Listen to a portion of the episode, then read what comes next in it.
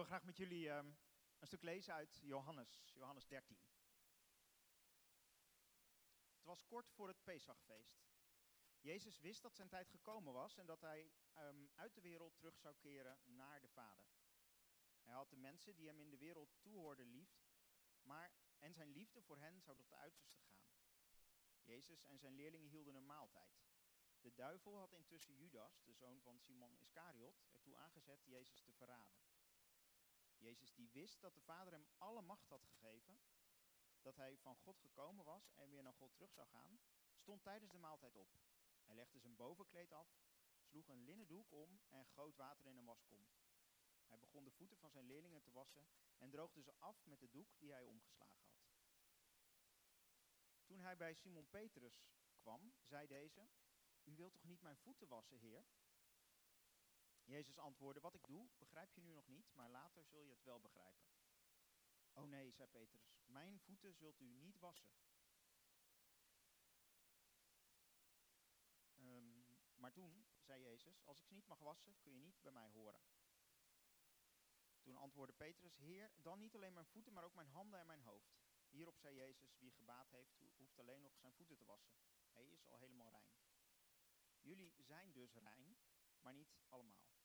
Hij wist namelijk wie hem zou verraden. Daarom zei hij dat ze niet allemaal rein waren. Het was ergens in, uh, in mei, afgelopen mei, toen Jelmer een mailtje stuurde. Aan, aan Ruurt, aan Julia en aan mij. Jullie preken in augustus en weten jullie al waarover jullie preken? Nou, Jelmer kent mij een beetje, dus hij wist wat het antwoord was. Zo lang denk ik niet vooruit. Dus ik moest eventjes nadenken, waar ga ik over preken? En terwijl ik daar wat over nadacht, en dat duurt bij mij altijd even, had Ruurt al in een oogwenk geantwoord. Hij mailde, we weten het, jammer. Julia preekt over de garderobe van Jezus, ik over de feestvreugde van Jezus en Willem-Jan over de reizen van Jezus. Nou, ideaal, iemand die voor je nadenkt. Um, Jammer mailde heel attent nog eventjes of dat dat echt mijn idee was of van Ruurt. En ik dacht, nou, ik vind het wel een goed idee. Het past wel bij het moment waarop ik ga preken, want ik ben net terug van een reis. En het is ook best toepasselijk zo in de vakantie, want ik denk dat er heel wat mensen op reis zijn geweest. Nou, dat dacht ik toen. En nu, of nou ja, nu, afgelopen week, toen ik terugkwam van mijn reis, toen dacht ik, oh jee, ik heb een thema. En wat moet ik met dat thema? De reizen van Jezus. Nou, ik had daar natuurlijk al wel wat meer over, over gelezen. Het thema ging regelmatig door mijn hoofd en ik dacht, ja, de reizen van Jezus. Met extra interesse heb ik eventjes de route die Jezus allemaal heeft afgelegd door, um, um, door zijn tijd van bediening heen um, bekeken. Ik vond het heel ingewikkeld, omdat ja, een rode lijn op de landkaart kon ik maken, maar een rode draad, één conclusie. In elk geval niet als het gaat om reizen. Nou ja, misschien toch wel. Jezus is altijd op reis om te ontmoeten. Jezus is altijd op reis om mensen te ontmoeten. Hij ontmoet mensen ook met een, met een open vizier. En hoewel hij volledig God is, wil hij ook volledig mens zijn als hij onder de mensen is. Ik, ik denk dat dat een, een rode draad zou kunnen zijn. En als mens deelt hij zijn leven. Deelt hij zijn leven volop. Hij laat zien wie hij is. Hij laat zien wie hij kan zijn voor zijn gesprekspartner. En hij wil ook zijn gesprekspartner echt leren kennen. Dat zou een conclusie kunnen zijn, of het nou een preek is. Of het nou een preek is, het is wel een beetje inlegkunde van dat rode lijntje op die kaart. Ja, toepasselijk thema Ruurt. Maar laat ik er niet omheen draaien. Ik kan jullie vanmorgen niet een eenduidige les geven over reizen. nou ja, misschien toch wel. Ik heb best wat reiservaring en ik heb er nog net een reis op zitten. Dus laten we beginnen met wat reisverhalen te delen. Ik ben net terug, zoals ik zei. En ik dacht over die conclusie, die inlegkunde van mij. En ik dacht, nou, daar gaan reisverhalen bij mij ook wel vaak over. Ontmoetingen. Ontmoetingen met bijzondere mensen blijven me lang bij. En vaak als je iemand ontmoet ver weg, dat, dat mensen die hier gereisd hebben, dat die ook wel zich zulke ontmoetingen herinneren, dan, dan blijven ze hierbij. Anderhalve week geleden had ik zo'n ontmoeting. Ik was in Bangladesh en daar bouwde ik um, mee aan een centrum voor mensen met een beperking. kennen uit de Bijbel lepra als melaatsheid. En dat heeft in Bangladesh echt verwoestende gevolgen, die ziekte. Hele nare ziekte en voor tienduizenden mensen heeft het blijvende invaliditeit tot gevolg. Lichamelijk heeft het enorme gevolgen, want mensen hebben zwerende wonden aan hun handen en hun voeten. Uh, benen en armen worden geamputeerd. Maar ook sociaal heeft het enorme gevolgen, zoals wij uit de Bijbel wel kennen. Hè? Melaatsen die uit de gemeenschap geplaatst worden. Dat verhaal wat we net lazen, daar moest ik een paar weken terug aan denken. Toen ik keek naar de dagelijkse wasmomenten. Wasmomenten in het lepraziekenhuis waar ik was. Dat is pas voeten wassen, dacht ik toen. Voeten die echt letterlijk dood zijn, waar soms zelfs maden uitkropen. Die worden gewassen. Dagelijks worden ze liefdevol gewassen in het ziekenhuis van Leprosy Mission, waar ik was. En in de afgelopen weken leerde ik deze mensen die verstoten zijn en best weinig contacten hebben, Ik was er samen met dertig andere jongeren en we genoten van het enthousiasme dat het, dat het hen gaf dat wij er waren. Maar ook dat het ons gaf om met hen op te trekken. We hebben samen gezongen, we hebben samen feest gevierd, we hebben gedanst, we hebben gesprongen. We hebben verhalen gedeeld. Dat was prachtig. Misschien, misschien hebben we die mensen een heel klein beetje meer gevoel van waardigheid gegeven. Een relatief kleine daad van dienstbaarheid. En dat het een kleine daad was, dat, daar kwam ik achter tijdens die ontmoeting waar ik graag wat over wil vertellen. Op een ochtend werd ik uitgenodigd, zou je vanmiddag eregast willen zijn op een bijeenkomst? Oké, nou ja, eregast, interessant. Wat, uh, wat gaat er gebeuren? Nou, er gaat iemand met pensioen. Ik was op een bijeenkomst en die was ter ere van Elisabeth. Een onopvallende vrouw. Denk dat ik er wel een keer in het ziekenhuis had zien lopen, maar heel zeker weet ik dat niet. En op deze bijeenkomst was ze niet op haar gemak. Er hing een grote poster aan de muur met haar naam en ook een foto van haar. En ze was het niet gewend om in het middelpunt te staan. En toch verdiende ze het. Ze verdiende het dat ze op die middag een oorkonde kreeg. Zoals ik al zei, het was ter ere van haar afscheid na 30 jaar trouwdienst. Elisabeth had 30 jaar lang de wonden van de patiënten van het Lepra ziekenhuis gewassen. Zwerende wonden. Wonden die er niet uitzien. Lichaamsdelen die eigenlijk afgestorven zijn. En Elisabeth maakte ze schoon. Nou, ik zou haast zeggen belangeloos. Nee, ze kregen een salaris voor, maar een, een heel bescheiden salaris. 30 jaar lang had ze zich gegeven aan, aan de minste, aan verschoppeling. En mensen die eruit liggen. 30 jaar lang bezig met die, met die vieze wonden. 30 jaar dienen op de achtergrond. 30 jaar de meest zieke en beschadigde voeten die je maar kunt bedenken wassen. Elisabeth was mijn held. Toen ik haar verhaal hoorde, toen ik hoorde wat zij betekend heeft voor dit ziekenhuis, betekend heeft voor de tienduizenden patiënten die er in die 30 jaar voorbij zijn gekomen, was ze mijn held. En hoewel ik haar niet kon verstaan, want ze sprak alleen Bengaals, sloot ik haar in mijn hart. En ik vond het een eer. Ik vond het prachtig dat ik daar eregast mocht zijn. Een titel die ik helemaal niet verdiende, maar die mooi was omdat ik haar een paar woorden toe mocht vertrouwen. En ik was er blij mee om te zien dat die woorden haar raakten. Ik heb Elisabeth en ook alle collega's die er waren verteld dat ze mijn voorbeeld zijn. Mijn voorbeeld in dienstbaarheid. Dat ze mij laten zien wat Jezus van mij vraagt. En dat zij Jezus eert. Door wat ze deed voor de minste van onze broeders. Elisabeth die durfde haar leven te delen, zoals Jezus dat ook doet. Met mensen die daar nauwelijks of niets voor konden teruggeven.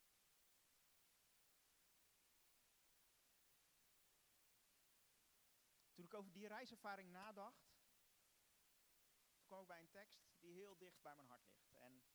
Ik denk dat dat de tekst is die ik vanmorgen met jullie mag delen. En ik denk dat ook een tekst is die in overdrachtelijke zin iets zegt over de reizen van Jezus. Dus bedankt, Ruurt. Het is misschien wel niet een, uh, een fysieke reis, niet zo'n rode lijn op een wereldkaart. Maar het is een reis. En het zegt iets over, over onze houding, die reis. En daar wil ik met jullie naar kijken. Wij zijn van nature nogal gewend om te heersen. Of in ieder geval geneigd om te heersen.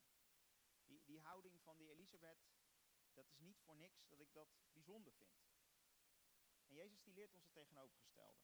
Niet heersen, maar dienen. De wereld op zijn kop. Het tegenovergestelde van wat de wereld ons leert.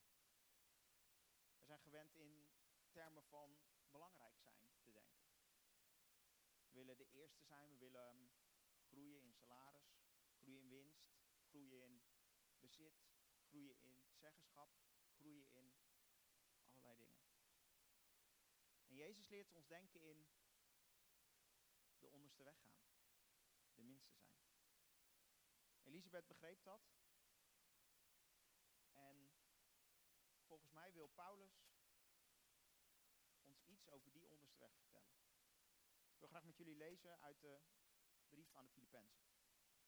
Daar staat, laat onder u de gezindheid heersen die Christus Jezus had. Hij die de gestalte van God had, hield zijn gelijkheid aan God niet vast, maar hij deed er afstand van. Hij nam de gestalte aan van een slaaf, van een dienaar, en hij werd gelijk aan een mens. En als mens verschenen heeft hij zich vernederd en hij werd gehoorzaam tot in de dood. De dood aan het kruis. Daarom heeft God hem hoog verheven en hem de naam geschonken die elke naam te boven gaat. Opdat in de naam van Jezus elke knie zich zal buigen in de hemel, op aarde en onder de aarde en elke tong zal beleiden, Jezus Christus is Heer, tot eer van God de Vader. Dit is de reis van Jezus. De reis van Jezus en volgens mij zitten daar talloze principes in. Ik wil er vanmorgen vijf uitlichten. Vijf principes die volgens mij het navolgen waard zijn. Het nareizen waard zijn. Ik denk dat het goed is om te kijken wat wij kunnen meenemen van wat die Elisabeth mij liet zien. En van deze reis die Jezus volgt.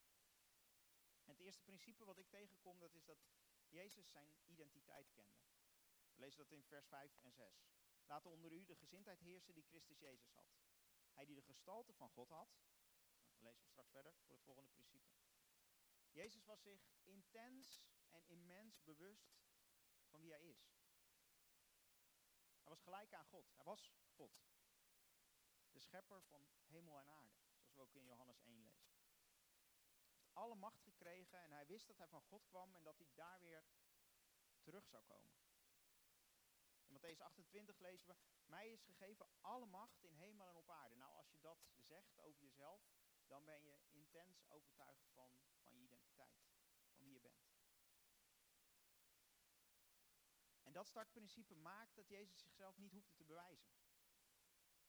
En daarom kon hij die voeten wassen. Daarom kon hij de onderste weg gaan. Want hij wist waar hij aan begon. Tweede principe, dat lezen we meteen daarna in het tweede deel van vers 6. Jezus gaf alles op wat hij had. Hij hield zijn gelijkheid aan God niet vast, maar hij deed er afstand van.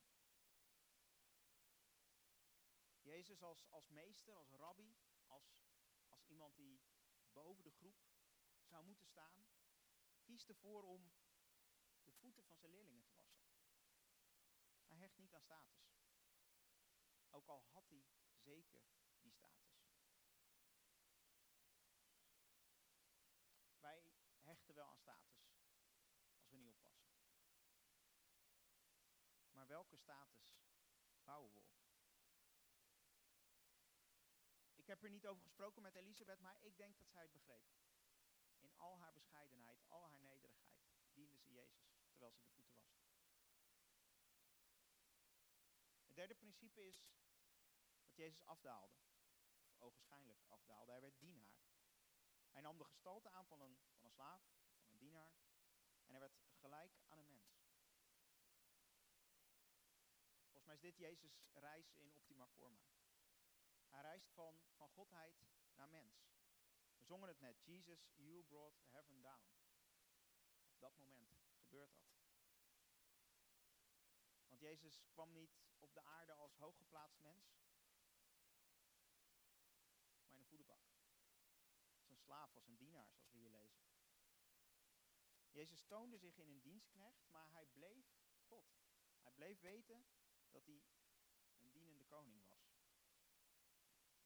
Ik moest even denken aan de intocht in Jeruzalem, Palmzondag.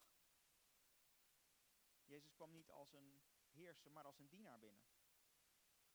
Als een koning die zich als dienaar opstelde. De koning die ons dient. Jezus waste als dienaar de voeten van zondaars, van, van zijn discipelen.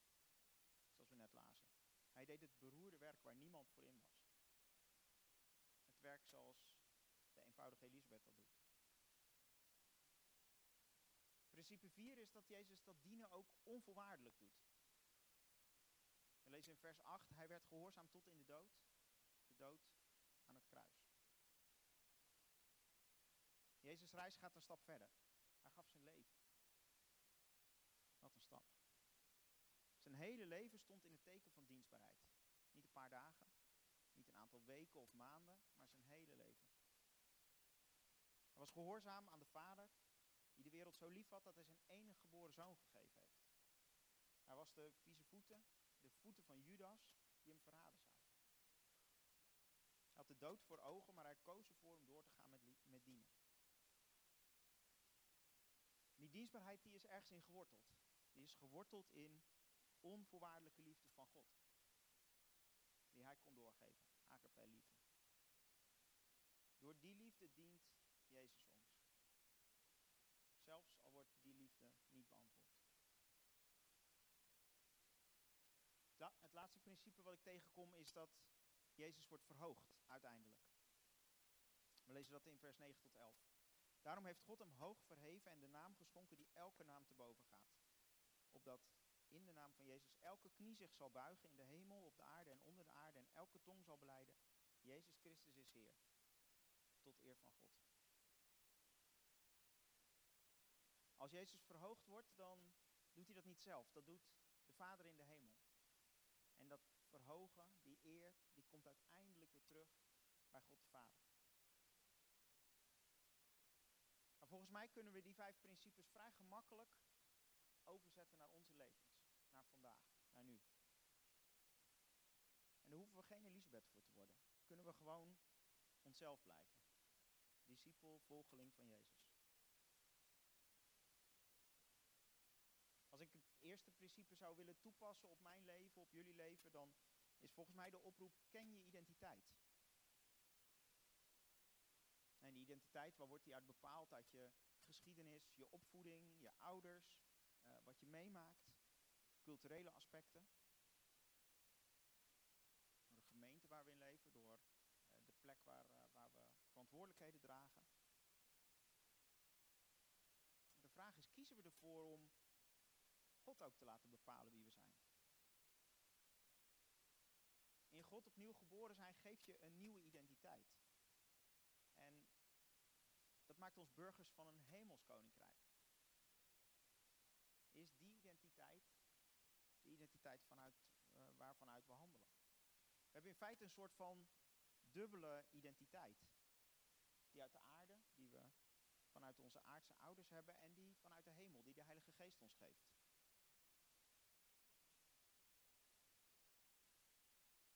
De vraag aan ons is, of de oproep of de toepassing van dit principe weten we die identiteit te koppelen aan wat we doen. Want wanneer je je identiteit kent, dan hoef je jezelf niet meer te bewijzen. Wat je doet bepaalt niet meer wie je bent. Je bent immers een kind van God. Beroerde klusjes doen, vieze voeten wassen, schaadt je imago niet meer. Schaadt je identiteit niet meer. Er is geen reputatieschade meer, want je weet wie je bent. Tweede toepassing is, hou niet vast aan wat je hebt. Als je je identiteit in God kent, dan ben je in staat om minder afhankelijk te zijn van aardse zekerheden. Natuurlijk, we bouwen op die aardse zekerheden. Hebben we het in zekere zin wel ingewikkelder dan iemand als Elisabeth, die maar heel weinig van die zekerheden heeft. Voor een rijke is het ingewikkeld om het koninkrijk binnen te gaan. We hebben allerlei dingen waar we op kunnen vertrouwen hebben ons natje en ons droogje. We hebben misschien wel een goede baan. Misschien vinden we wel dat we er goed uitzien. Misschien hebben we wel allerlei materiële dingen voor elkaar, verzekeringen voor elkaar. Misschien doen we wel hele mooie dingen in ons leven. En dat is allemaal oké. Maar dat waar we op willen bouwen? Er hoeft maar iets te gebeuren of die zekerheden vallen weg. En wat is dan het fundament?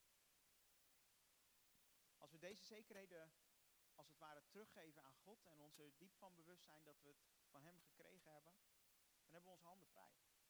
We hebben onze handen vrij om met God te gaan, degene die ons de identiteit geeft, en om onze gaven echt in te zetten.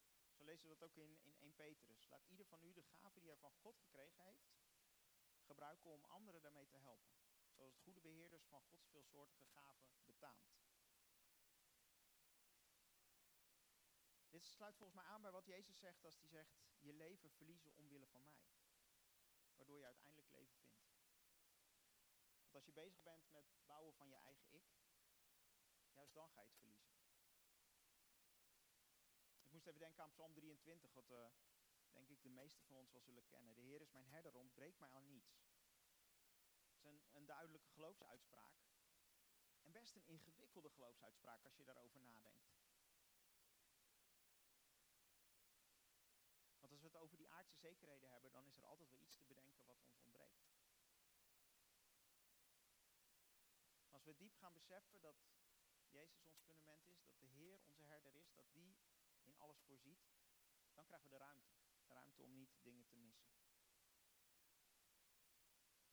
De derde toepassing, of derde, de toepassing van derde principe is, wees gericht op het belang van de ander. Een dienaar die is bezig met het belang van een ander. En zoekt het beste voor de ander. Hoe kun je een ander sterker maken? Hoe kan ik de ander helpen om dichter bij het doel van God met zijn of haar leven te komen? God is de opdrachtgever. Geeft ons de opdracht om door te bouwen op wat hij gemaakt heeft. Om anderen toe te rusten, om anderen te helpen om dichter bij de plek te komen waar God hen of haar bedoeld heeft. En God geeft heel wat mogelijkheden om te dienen. Ik zou ze allemaal kunnen benoemen, maar ik denk dat we die zelf kunnen, kunnen bedenken. En begrijpen doen we dat wel, maar Jezus zegt dan in uh, Johannes 13, je zult gelukkig zijn als je het niet alleen begrijpt, maar er ook naar handelt. En volgens mij gaat dienen niet om jezelf voorbij lopen. Dat is een, een voetnoot die ik erbij wil maken. We lazen net uit Filippenzen 2 en als we een klein stukje daarvoor lezen, dan staat daar ook een, een zinnetje wat een goede is om in onze oren te knopen. Paulus schrijft daar, heb niet alleen uw eigen belangen voor ogen, maar ook die van de ander. Dan zou je de klemtoon anders kunnen leggen. Niet alleen uw eigen belangen voor ogen, maar ook die van een ander. Paulus roept ons dus niet op om onszelf voorbij te lopen. Paulus roept ons op om vanuit de wetenschap wie we zijn er voor de ander te zijn. En op basis daarvan kunnen we dan lief hebben zonder voorwaarden. De toepassing van het vierde principe. Dienstbaarheid houdt niet op. Als je die dienstbaarheid die Jezus tentoonspreidt dan kun je zelfs de voeten van Judas wassen. Ook al weet je dat hij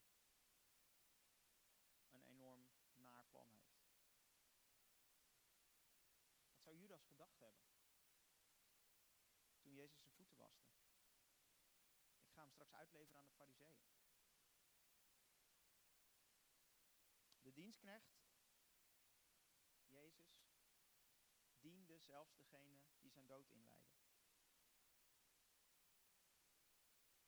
Tot het einde toe had hij het goede voor de mensheid voor ogen. Niet als idealist, maar als realist. Jezus zegt, heb uw vijanden lief, zegen wie u vervloeken. De basis van dienstbaarheid is liefde. Niet omdat de ander zo aardig tegen ons is of zoiets dergelijks, maar omdat God ons lief heeft. Mogen wij anderen lief hebben.